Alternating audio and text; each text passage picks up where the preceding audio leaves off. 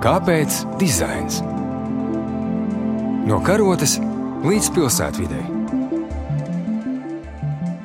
Sveiki, mīļie radio klausītāji! Ar jums kopā ir raidījums Kāpēc dizains un es Jelena Solovjova. Šodien mūsu raidījuma fokusā ir tas, kā mācot citus, mēs varam attīstīties paši. Šī gada sākumā Riga Tegals organizācija uzsāka sešu mēnešu tiešsaistes mentoru programmu. Strādājot plecu pie pleca ar 160 mentoriem, tās sniedz iespēju 260 dalībniecēm no Latvijas apgūt padziļinātas zināšanas informācijas tehnoloģiju nozarē. Starp piedāvātajiem virzieniem ir arī UX un UI, jeb digitālo produktu un pakalpojumu dizains, kurā šobrīd darbojas 24 interesantes un 11 mentori. Šī ir lieliska un arī ļoti vērtīga iespēja smelties pieredzi un zināšanas jomā, kurā Latvijā pagaidām vēl nav iespējams gūt formālu akadēmisko izglītību. Jautājām divām dizaina programmas dalībniecēm par to, kas viņas motivēja pieteikties šai iniciatīvai. Mani sauc Jolanta Latu, un pēc Ilienas lūguma padalīšos ar savu pieredzi par Rīgas tegālu programmu iepazīst tehnoloģijas. Rīgas tegālu meitenes un dāmas nav tā, ka gluži svešas man būtu bijušas. Es jau biju pamanījis viņas iepriekš, gan Annu, gan Iļēnu, gan Līgu. Mans darbs ir tieši saistīts ar pakalpojumu industrijām, apdrošināšanu, banku, telekomunikācijām, un līdz ar to tā pasaule ir maza un dinamiska, un mēs visi kaut kur bijām tikušās. Tad, kad tika izsludināta pieteikšanās, ilgi nedomāju, lec iekšā. Kāpēc? Ja tā ir brīnišķīga iespēja, investējot savu brīvo laiku, iepazīt tik dažādo tehnoloģiju jomu, un programma kopumā ir ļoti, ļoti vērtīga, jo tā ir tāda sinerģiska maģija, Mēs iegūstam visas, gan tās dāmas, kas iedvesmo mūs ar saviem stāstiem un pieredzi, gan tās, kas mēs mācāmies. Un nav svarīgi, vai tev ir vēlē 40, 20 vai 30. Mēs visi esam gatavi ķert, tvert, uzklausīt, iepazīt un izmēģināt. Un esmu ļoti priecīga, ka to laimīgo listē, kas ir tikus pie mentora, un mans mentors ir Līga. Es esmu ārkārtīgi priecīga. Un Līgas komandā mēs būsim trīs pilnīgi atšķirīgas dāmas ar dažādām interesēm par UX. Liksim lietā un mēģināsim. Es no sirds pateicos visiem, kas velta savu brīvo laiku šim un iedvesmo mūs mainīt vai mācīties. Paldies, meitenes, par to, ko jūs darat. Un paldies meitenēm abās pusēs, gan tās, kas māca, un iedvesmo, gan tās, kas mācās. Renāta izstāsta, lūdzu, arī tu, kāpēc tu pieteicies un ko sagaidi no šīs programmas. Mentoring programmai mani mudināja pieteikties tas, ka man iepriekš jau bija ļoti laba pieredze ar Riga Tech Girls organizēto programmu iepazīst tehnoloģijas. Mentoring programma šķita kā loģisks solis, ja es vēlos turpināt savu izaugsmi tieši IT jomā. No šīs programmas es sagaidu divas lietas attīstīt savas zināšanas šajā jomā un ielikt stiprus pamatus, un otrs ir iegūt nozars cilvēku stāstus, atziņas, jeb tādu informāciju, ko īsti nevar apgūt meklējot internetā vai nopērkot kādus e-kursus. Kāpēc dizains? Riga Tegals mentora programmas UX un UI dizaina apakšvirzienu vada pieredzes bagātā dizainere Līga Letiņa.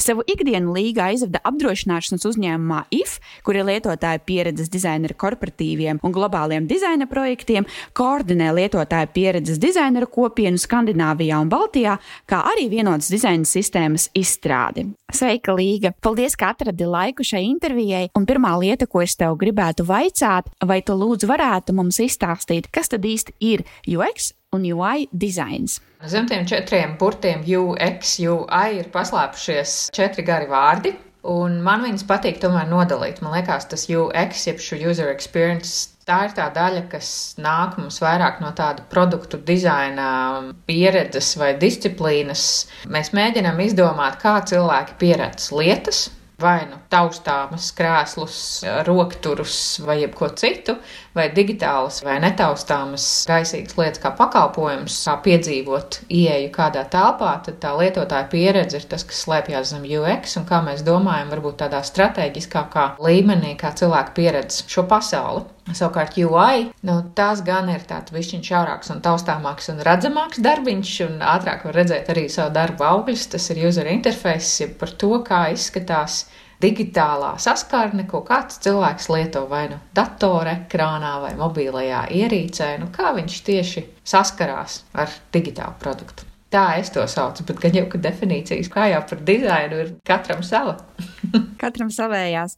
Mūsu šodienas sarunas fokusā bez šaubām ir Riga Tegals mentoringa programma. Tu, Līga, esi šīs mentoringa programmas, UXUI, šīs apakšprogrammas, apakšvirziena vadītāja. Vai tu lūdzu varētu mums mazliet vairāk izstāstīt, ko tad sevi ietver šī jaunā programma, kā tā tiek organizēta un kurš tajā ir aicināts piedalīties? Programma ir diezgan plaša patiesībā, un tā nav tikai par un ap dizainu. Tas ir plašāka kustība par to, kā vairāk sievietes iesaistīt IT pasaulē un digitālajā pasaulē. Riga Tegals veido šo apmācību programmu kopā ar Women Go Tech un Google Org organizāciju. Tur šogad ir 260 meitenes izvēlētas. Sievietes patiesībā ļoti daudzas ir arī jau pēc kaut kāda zināma karjeras nogriežņa. No 400, kas pieteicās, šīs sievietes un meitenes apgūst pusgadu garumā gan programmēšanu, gan projektu vadību, gan šo te UX UI dizainu. Jā, mūsu tajā UX UI celiņā, mēs viņu saucam tehnoloģiju celiņš vai apakšceliņš no šiem visiem desmit celiņiem.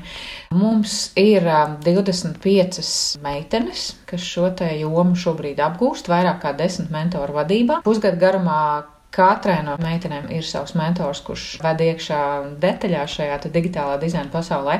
Tā daļa, ko es vēl palīdzu kūrēt ar um, tādiem zināmākiem ekspertiem Latvijā, reizi mēnesī arī nodrošinam apmācību semināru, gan teorētisku, gan mazliet praktisku. Tas ir tāds līdzvērtīgs divu dienu apmācību ciklam par to, kas tad būtu šis UX, UI dizains. Un tas viss šīm sievietēm, meitenēm ir bez maksas.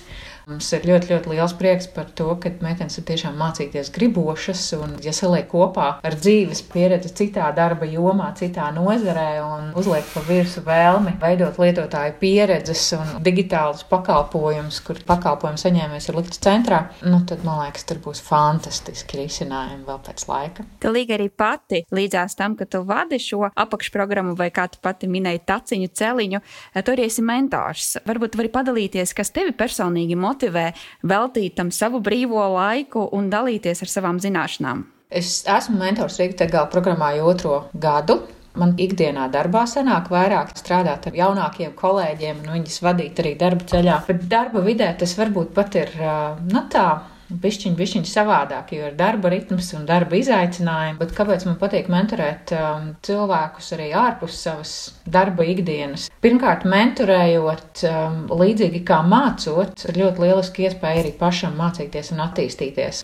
Es mēģināju pirms šī ieraksta arī atrast uh, rakstu un precīzo zinātnisko referenci, kā tad ir ar to, kā mūsu smadzenes strādā tad, kad mēs mācāmies, bet patiešām tā ir, ja mēs mācam kādu citu, tas motivē mūs salikt informāciju struktūru strukturētākā veidā.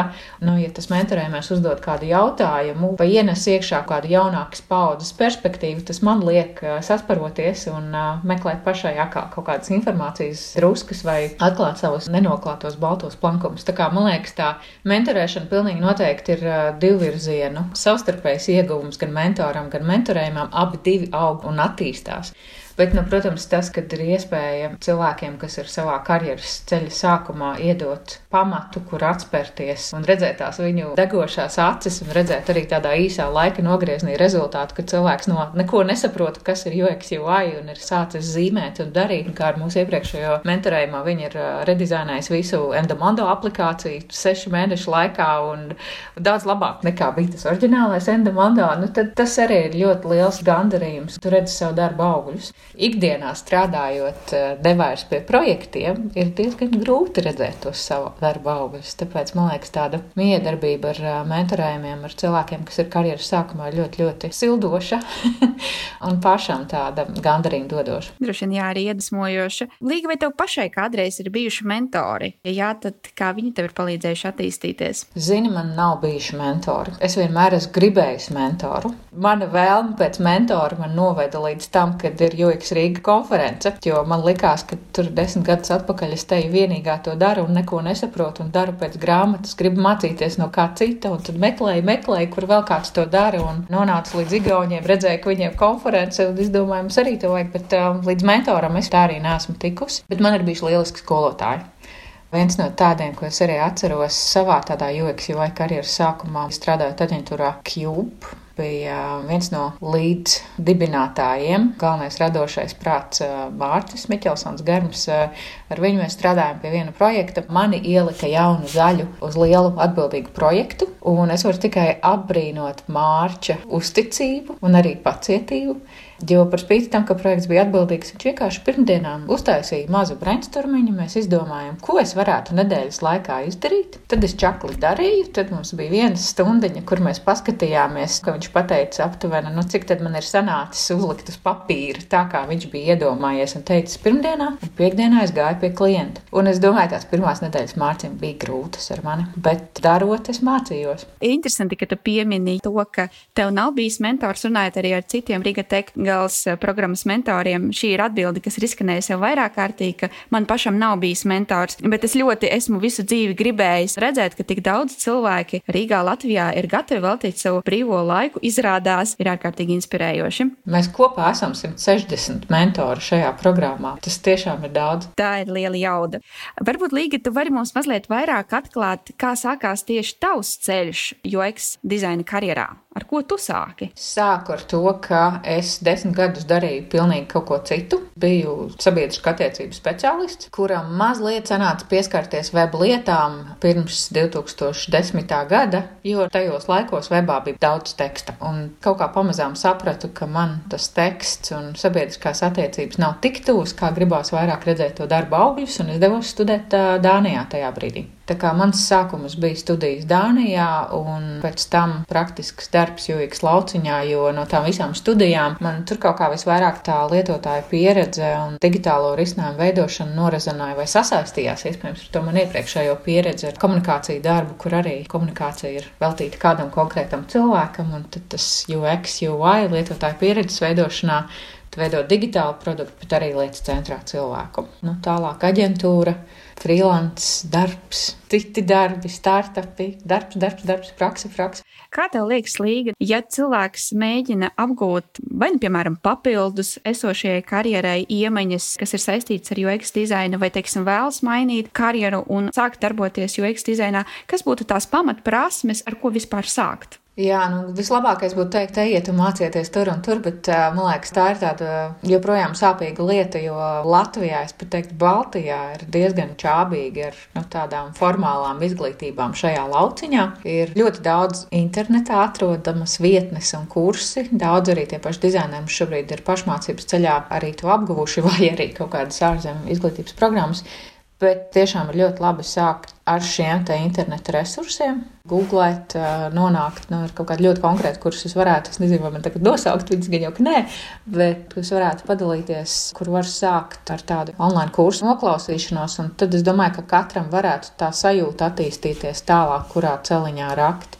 Noteikti ir arī ļoti svarīgi sākt ar to, ka vēro, kādi ir pakalpojumi, produkti, digitālās aplikācijas, mājaslapas, vērot savu pieredzi arī, kas varbūt patīk, kas liekas vizuāli, estētiski skaisti, kas varbūt kaut kādā lietu secībā, plūsmā liekas ļoti organiski nemanām, vai tieši otrādi, kas ērcina. Nu, sākt varbūt vairāk vērot pasauli, vērot detaļas, vērot likumsakrības. Tas man liekas arī ļoti, ļoti svarīgi. Nu, gan tālāk, varbūt ejot, jo tādā tādā tālākā karjerā, bet tādam labam dizainerim, man liekas, ir svarīgi, ka viņš spēj skatīties ārpus sava audekla rāmja, ārpus vienas plaknes, ko viņš zīmē vai dizainē, ārpus vienas kata no kaut kāda aplikācijas soļu secības, bet tiešām redzēt uh, plašāk, redzēt ne tikai vienu cilvēku, kas šo lietos, bet dažādus tipāžus, saprast, kā biznesa fonā darbojās, kā procesi darbojās, un lai to spētu saprast, ir jāsāk ar pasaules vērošanu, tādu vērotāju muskuli trenēt. Man liekas, tas ir pats pats sākums. Runājot līdzi par vērošanu, mazliet plašākā nozīmē, tu šajā nozarē esi jau vairāk kā dekādi, vairāk kā desmit gadus, un to savā ziņā arī novēro šīs nozares attīstību. Kā tev kopumā šķiet, kā šobrīd ir ar digitālā dizaina profesiju Latvijā, cik pieprasīts ir šis amats? Amats, man liekas, ir sasniedzis tādu vienu nu jau kulminācijas brīdi. Pieprasījums aug, nu pat jau es teiktu arī, ka piedāvājums ir speciālisti diezgan daudz sapraktizējušies vai samācījušies. Kādus gadus, trīs atpakaļ bija tā, ka pieprasījums bija ļoti, ļoti augstā pīķī, varbūt tik daudz nebija, kas bija gatavi par to darbu izdarīt. Un ļoti daudz ir palīdzējuši, protams, arī startupi. Jaunu uzņēmumiem visbiežāk tie risinājumi ir digitāli. Viņiem ir laika ieguldīt, izpētīt, un pat vajag arī izpētīt, ko tam gala klientam vajag. Ir svarīgi uztaisīt to pirmo šāvienu, pirmo risinājumu tiešām gan smuku, gan labi strādājošu, jo pirmais iespējas, kā mēs zinām, ir svarīgs ļoti, un vai viņa uzņēmums produkts aizies vai neaizies, arī dizainam tur ir nozīme. Un vēl pēdējā trīs gadē ir ļoti daudz pieaudzis pieprasījums pēc digitāliem dizaineriem arī organizāciju iekšienēs, gan biznesa organizācijas, finanšu, telekomunikāciju. Tās būs tās pirmās, kam daudz dažādu digitālu risinājumu, kas vēlas šo te speciālistu iekšienē. Pēdējā pusotra gada laikā valsts sektora sektorā arī dzen vairāk ir radies šis pieprasījums pēc dizaineriem, vairāk varbūt pakalpojumu dizaineriem, bet tā nozīme arī pieaug tur, kur ir digitālās transformācijas projekti, tur, kur no tādas papīra pakalpojumiem, no tādas eh, klātienes apkalpošanas vairāk virzās uz to, kā vairāk eh, apkalpot klientus internetā. Digitāli gan privātā sektorā, gan valsts sektorā tur arī rodās pieprasījums pēc dizaineriem. Tad, kad es sāku pirms desmit gadiem, tad vairāk darbiņa bija vai vairāk tas novērtējums novērtējums pēc šādiem speciālistiem bija aģentūrās, uz maziem sprintiņiem, uz maziem nodefinētiem, izdari lūdzu to, to un tā, kā es paprasīšu.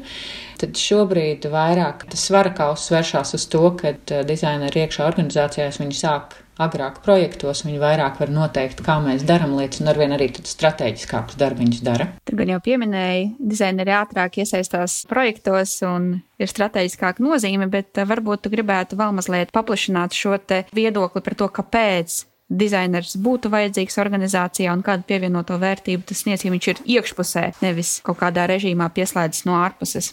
Nu, tāda ļoti laba īpašība vai laba prasme, kas mums dizaineriem piemīt, ir tas, ka mēs varam vizualizēt. Ļoti palīdz tas, ka vizualizē lietas, nevis runā desmit garās sapulcēs, kur katram ir galvā varbūt sava vīzija, kā es gribētu, lai tas strādā, kā tas produkts varētu izskatīties un kā cilvēki viņu varētu lietot. Bet tiklīdz lietas uzliek uz papīra un novizualizē, tad uh, arī tiem pašiem, kas plāno kaut ko jaunu lietu, radās ātrāk skaidrība, kā tas strādās vai ko mēs varētu uzreiz jau uzlabot, vai arī to var ļoti ātri notestēt. To var ātri sākt novērtēt, cik daudz laika mums tas aizņems to izstrādāt, nevis plānot ilgi un tērēt laiku. Un otra tāda ļoti spēcīga lieta, kas dizaineriem piemīt, ir um, pētniecība. Spēja testēt lietas, spēja ātri uzskicēt kaut ko, novalidēt, uh, kaut vai krēslu būvējot, nu tad tā ergonomika būs vai nebūs ar šito dizainu. Ātri uztaisām prototipiņu, novērtējām, un tas arī palīdz ātrāk iet uz priekšu, ātrāk uzņēmumam vai arī valsts sektoram vai jebkuram digitālā risinājuma veidotājam novērtēt, uh, vai viņš iet pareizajā virzienā un ātrāk atmest idejas, kas nebūtu veiksmīgas veiksmīgas, vai tieši otrādi noiterēt tās idejas, nu, noslīpēt tos radziņus un aizlaust tos nadziņus, kas varbūt ideja radīšanas procesā ir, un dizainers palīdz parādīt, ka tur vēl kaut kas nav līdz galam, un mēs vienkārši esam ātrāki un veiksmīgāki. Paldies, Līga, un vēl viena noslēdzošā lieta, vai tev ir kāds padoms topošajiem jaunajiem dizaineriem viņu karjeras pašā sākumā? Man liekas, pats galvenais tiem, kas ir savā ceļa sākumā, sākt ar visu kaut kā mēģināšanu. Ja mēs runājam par UX, UI, tur uh, ir dizaina domāšanas process vai produktu dizaina procesa fonā, kur mēs pētām lietas, mēs prototipējam lietas, mēs testējam prototipus, mēs atgriežamies iepriekšējās fāzēs. Es teiktu, ka tieši tāpat var arī prototipēt un testēt savu karjeru un savu dzīvi. Vienkārši vajag eh, klausīties, uzdot jautājumus, pamēģināt, atrast mentoru, pamēģināt pašam uztaisīt YouTube aplikāciju, piemēram. Testēt visu kaut ko, ko tie dizaineri dara, testēt sevi, testēt savas robežas. Es saprotu, ka karjeras sākumā gribās gribās darīt tā, kā lielie dara un sekot tālajām zvaigznēm, bet ļoti svarīgi arī katram pašam būt kontaktā ar sevi. Un it īpaši dizainerim ir svarīgi, ka viņš ir kontaktā ar sevi, ka viņš jūt sevi, ka viņš jūt pasauli, ka viņš dzird apkārtējos, un tad viņš var radīt tiešām kaut ko, kas strādā ne tikai viņam un viņa ego, bet arī pasaulē. Nu, superlīga, sirsnīgs tev paldies gan par šo interviju, gan arī par tavu aktīvo līdzdalību, gan profesionāļu, gan arī plašākas sabiedrības izglītošanā par digitālo produktu un pakalpojumu dizainu. Paldies, ka arī līdzdarbojies Riga Tegals mentora programmā. Ar mums kopā šodien bija lietotāja pieredzes dizainere Līga Letiņa, Riga Tegals mentora programmas digitālā dizaina apakšvirziena līdere. Uz tikšanos pēc nedēļas! Kāpēc dizains? No karotes līdz pilsētvidē. Pirmdien, 9.5. ar atkārtojumu sestdien, 18.18. 18.